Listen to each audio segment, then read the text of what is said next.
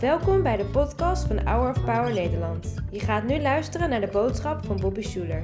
De boodschap is in het Engels. Liever met Nederlandse ondertiteling erbij? Bekijk dan de uitzending op hourofpower.nl of op ons YouTube kanaal.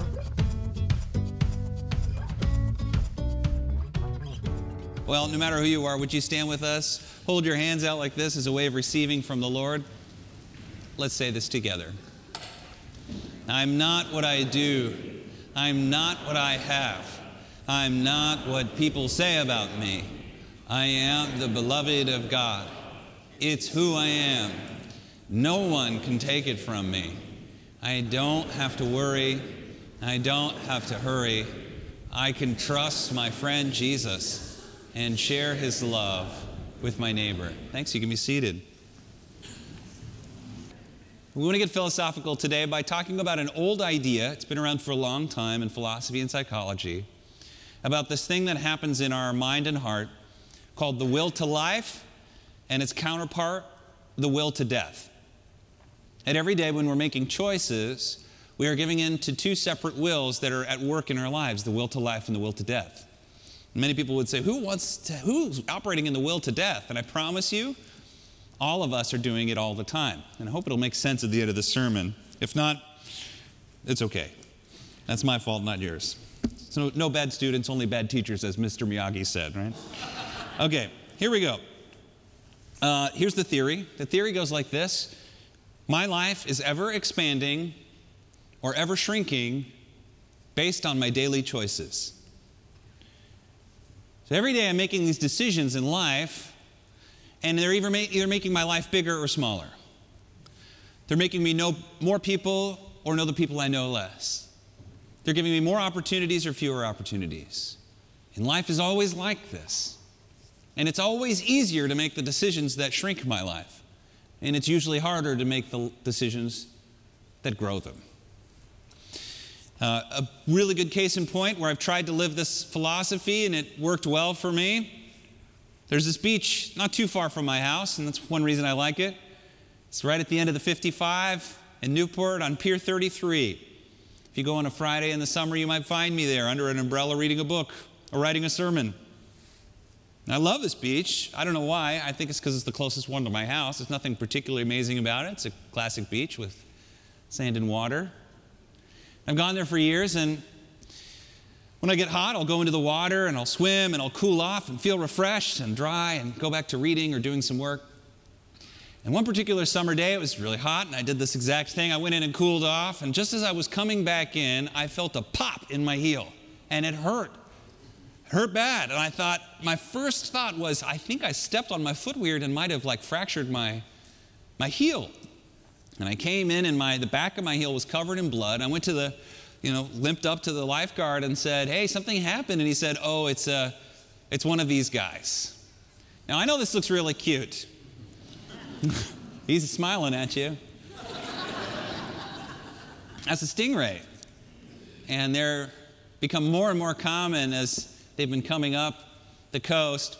And at this particular beach, he said they've been plaguing him at the time and he said, I have to shuffle through the water. Now, I've been going to my beach my whole life. I grew up in California. This has never happened to me in my life. And here I am at the time in my 30s. This never happened to me. And I was like, okay, I got to shuffle now. And he said, you know, that's going to hurt real bad. You ought to put it in some hot water. And I said, I think it's fine. This happened like five, ten minutes ago. I think I'll be okay. So I went and washed it off in the water dried it off and laid down on my, my uh, towel. And I started to go, ow Ooh, ow. Ow, whoa, wow. Have you ever taken a bite of like something that's supposed to be really spicy and at first you're like, that's not bad. And you're like, oh, oh, whoa. And this is what happened to my leg. There's a venom that this particular steam stingray has that causes the nerves in your legs to flare up. And so it felt like I had, like someone was pressing an iron on my skin all the way up my leg. And this was gnarly. I started running, kind of limping back to my car. There's a couple times I was like, oh, and when I got home, I put it in hot water, and instantly the pain went away. But th- it's hard to describe how painful this was. I've my, had my arm impaled, I've been burned, I've had all sorts of things in my life playing sports that hurt. All of them paled in comparison to this stingray thing. And I remember thinking, I can never go back there. I can never go back there. I need to find a new beach. I need to Google a beach without stingrays. That was, that was my first thought. My second thought was, you know what? Stingrays, although they hurt, they don't actually harm you.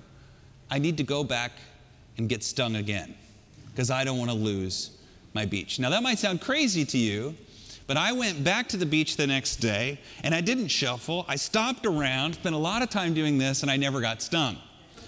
But what I got rid of was my fear of being stung because I thought to myself, one way to look at it is I never go back and avoid it. Another way to look at it is I know how to handle it next time. I know if I get hit like that, I know how to avoid it. I know if I get hit like that, just put it in hot water, it goes away, and you'll be fine.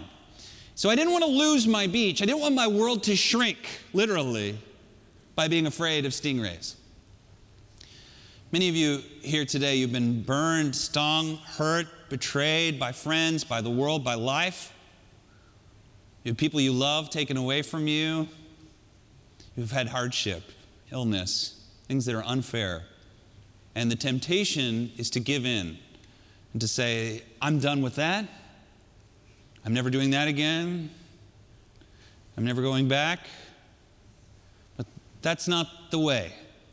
The way for you is actually to say, I can try again. And this is what life is about it's about making a decision to ever grow to grow as a person and to not be afraid of life or the world, God's good world that He made for us. That, yes, is still broken, yes, has problems, but He also gives us the tools, the, this Holy Spirit, and the power we need to live life to the full. And that's what I want for you, and that's what God wants for you. Not to be afraid of stingrays or anything else. That brings us to the triumphal entry. Famous story of Jesus entering Jerusalem knowing that he'd be killed.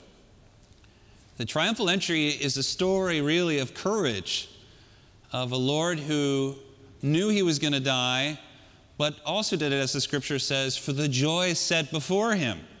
He knew that he would die the worst death ever, but he knew that out of that would come the greatest movement and the salvation of mankind, and it, to him it was worth it. He was exercising, when he entered Jerusalem, a will to live, a will to life, a will to courage. Remember that not long before this, Jesus was on his way to Bethany, and before he went, you know, all the disciples said, Don't go, you'll die if you go to Jerusalem. Bethany's about a half hour walk from Jerusalem. And it, there was one man named Thomas. We call him Doubting Thomas, but he never gets credit for this line. I, I think it's a shame. He looks at his brothers and sisters in arms and he says, Hey, if he's going to go die, we shall go and die with him. That's courage. That's a will to life. So they go, they pack up their things, they go to Bethany, they famously raise Lazarus from the dead. And when this happens, such an outpouring of the Spirit and power happens that this mega revolution of people who had witnessed this, who had seen a man who had been dead long enough to stink, come back to life, they decided this is the Messiah, this is the man, this is the one we've been waiting for for all this time. And so this, this mob, good mob of cheering crowd, adoring crowd starts to create a parade that, that goes into the city of Jerusalem as Jesus processes on a donkey. And when he enters into Jerusalem, do you remember what they all say? They say, Hosanna, Hosanna. That means save us. And they're saying it over and over as a type of praise, but there's also a cry for help. Save us, save us, save us. And who or what is it that they're asking the Lord to save them from. Do you remember? If you said Rome, you got it right. They said, Save us. They're, what they're effectively saying is, Save us from Rome. In their view, the Messiah was not someone that would be the sacrificial lamb. In their view, the Messiah would be a military leader who would kick Rome out of Israel, their occupiers. Now, here's what the temple looked like in Jesus' day. It was one of the largest buildings in the world at the time, built by Herod was a wonder of the world. It was the largest temple in the world at the time. And you can see that when Herod made it, it's amazing. But you see up in the top right corner, there's like another like castle that's attached to the temple. That's called the Antonia Fortress, and that's where the Roman garrison is. There's an extra bit of soldiers there because during Passover there would have been. Oh, Josephus says two million. That can't be true, but it's it's a lot. There's millions. There are almost a million people, is my guess, in Jerusalem at the time for the holiday. Many of them are young, able bodied men who want to fight. And so they think this Messiah figure is going to lead these men to the Antonia fortress and kick out Rome and say, you know, get out. But instead of going to the Antonia fortress, Jesus goes into the temple. He clears the temple, uh, and then he just begins healing people like this. This story to us shows us two things that are happening in Israel the temple and Rome. And what Israel sees is that the problem is Rome. That's our big problem. But what God sees is no, the problem is the temple. The temple, which at the time was corrupt. Religious people were doing all sorts of things, but especially using religion to steal money from the people. One story famously, Jesus says, Toss me a coin. And a Pharisee tosses him a coin, and on the coin is an image of Caesar, which you're not allowed to bring in the temple. And here the Pharisees who enforce these rules on everybody else are blatantly breaking the rules. Jesus holds it up and he says, What? You hypocrite. Give to Caesar what is Caesar, give to God what is God. So you see that in the religion itself, there's this problem, but outside, there's this temple problem. This is a, a lesson for us to learn, and I preach it every year the idea that we always want to deal with Rome, we never want to deal with me. Rome is the circumstance, the temple is the inner life. We want to deal with the outsiders, not the insiders. We say, Save us, Lord. But the Lord wants to save us from us. He wants to save me from me. The triumphal entry is a lesson that teaches us God wants to deal with me before he deals with my circumstances. And that's the last thing we want to deal with is me. Here's the biggest problem with dealing with me is that's very painful. It's painful to lose weight. It's painful to become a loving person. It's painful to be generous. It's painful to go to church.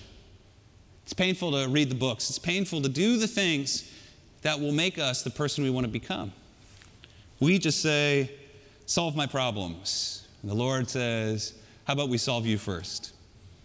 He says that because He loves us. Here's something you have heard me say a million times, and you'll hear me say it a million more times.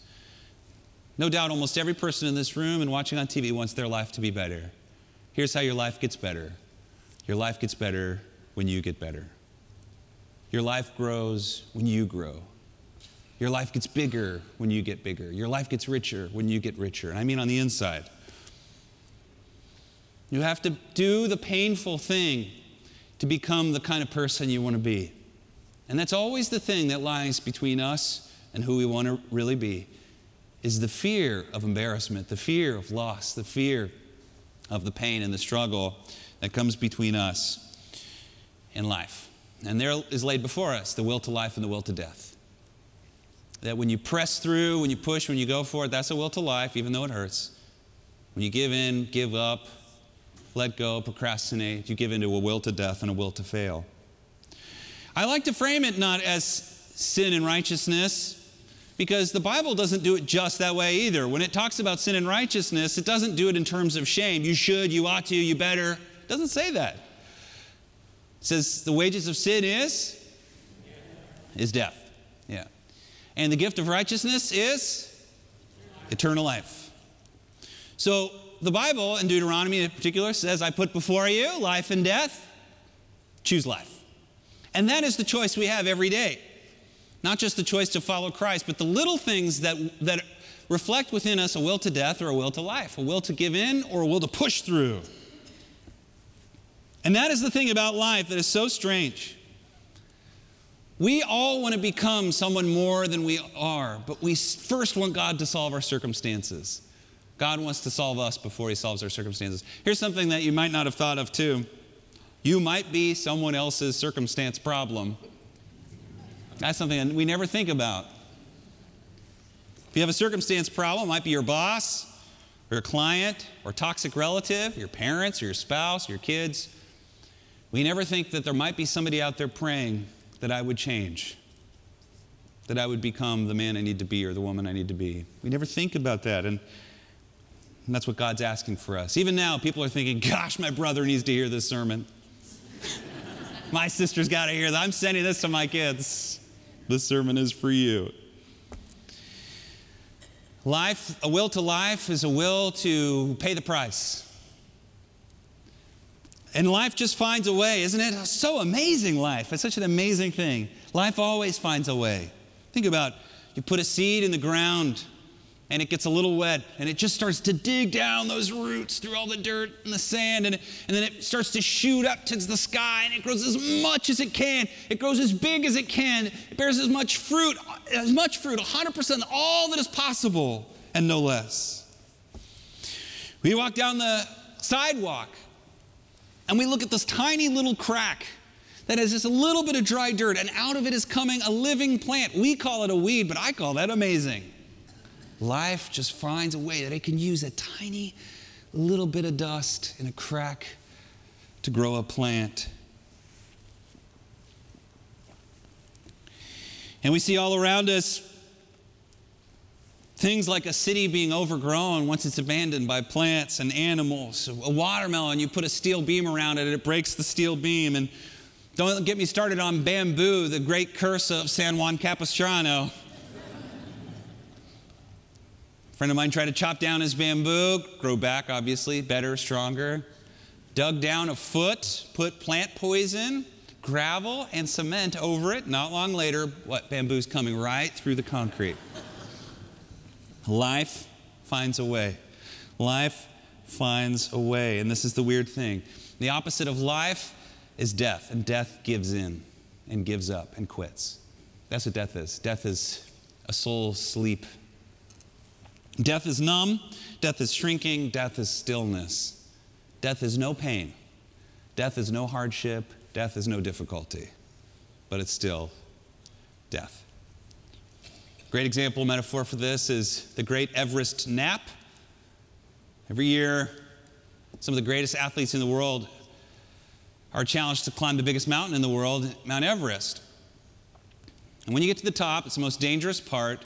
They always worry about the same thing. The people that die on Mount Everest are not people that freeze to death first. They're not people that hurt their arm. They don't starve. The thing that kills people in Mount Everest is the Everest nap. When you go up high, your brain starts to get low on oxygen and you get sleepy.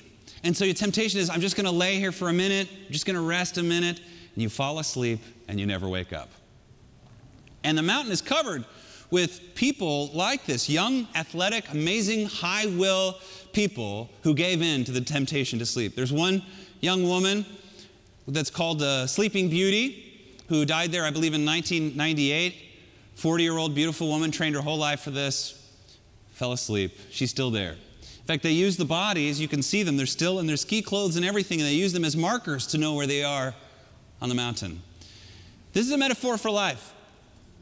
And in life, the thing that wants to kill us is the, the, the falling asleepness of life. Not resting, not taking a good nap. Jesus did that, right? Taking a nap is Christ like. Tell someone that next time they. But I'm talking about the quitting, the giving in, the not pressing through. If life is anything, it's one way to think of it is the painful expansion of my life and world. It's an ever expanding existence. Just think about giving birth itself the idea of giving birth to new life is always messy, always dangerous, always scary, always chaotic. What's the biggest word that you would ascribe to giving birth? Painful is the word I'm looking for. Not that I would know. I always think it's interesting when men say, We're pregnant. No, sir. She's pregnant. It's interesting when you see the, the old sitcoms of how they used to show giving birth compared to how birth really is. And it's amazing, you know, the average mother who gives birth for the first time, labor, I've heard, or is somewhere between 14 and 19 hours of pain, struggle, and at the end it gets the hardest. And what is the doctor saying? Push, push, push, and everybody's screaming, ah, push.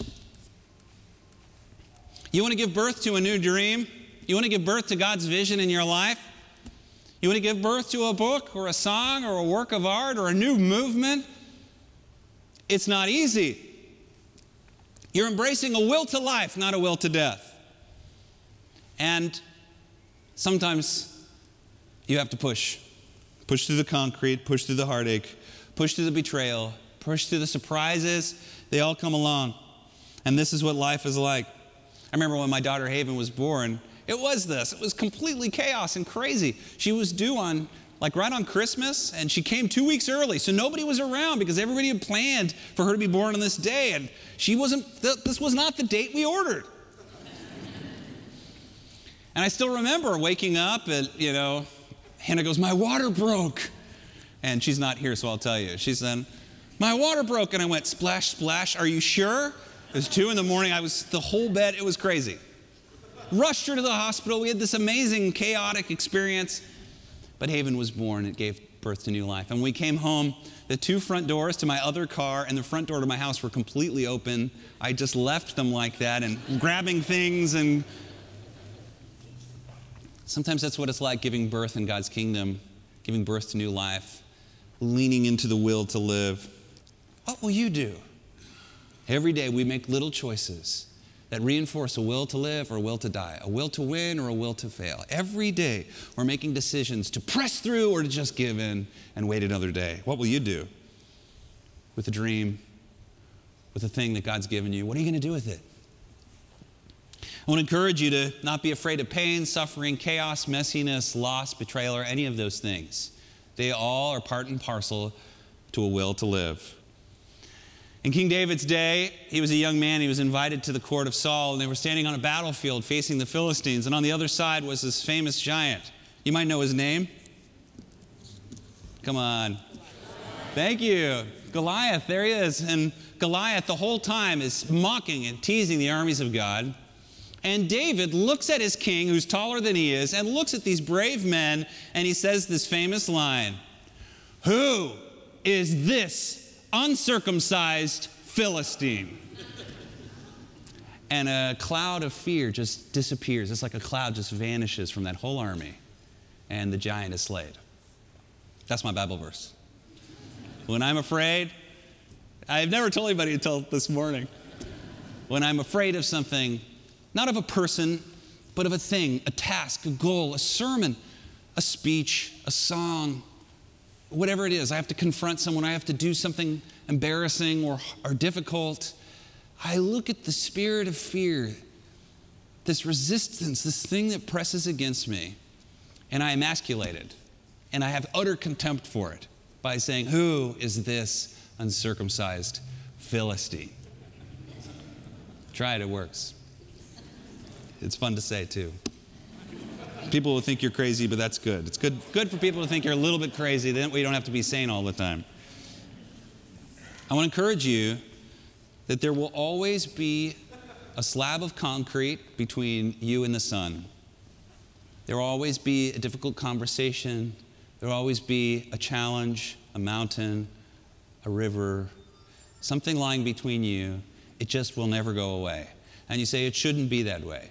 And I don't deal in shoulds and shouldn'ts. I'm just telling, when you get your own universe, you can make it different.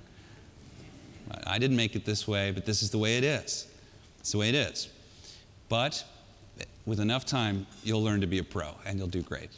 So, Father, we ask for that in Jesus' name to see the spirit that lies between us and where we're called to be. And we pray, Father, that you would help us learn what it means to press through for the joy set before us.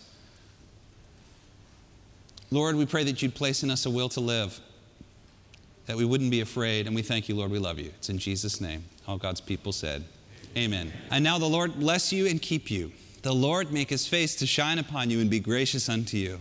The Lord lift his countenance upon you and give you his peace. In the name of the Father, and of the Son, and of the Holy Spirit. Amen. Bedankt voor het luisteren naar de podcast van deze week. We hopen dat deze boodschap jou heeft bemoedigd. Wil je meer weten over Hour of Power of dagelijkse bemoedigingen ontvangen? Ga dan naar www.hourofpower.nl.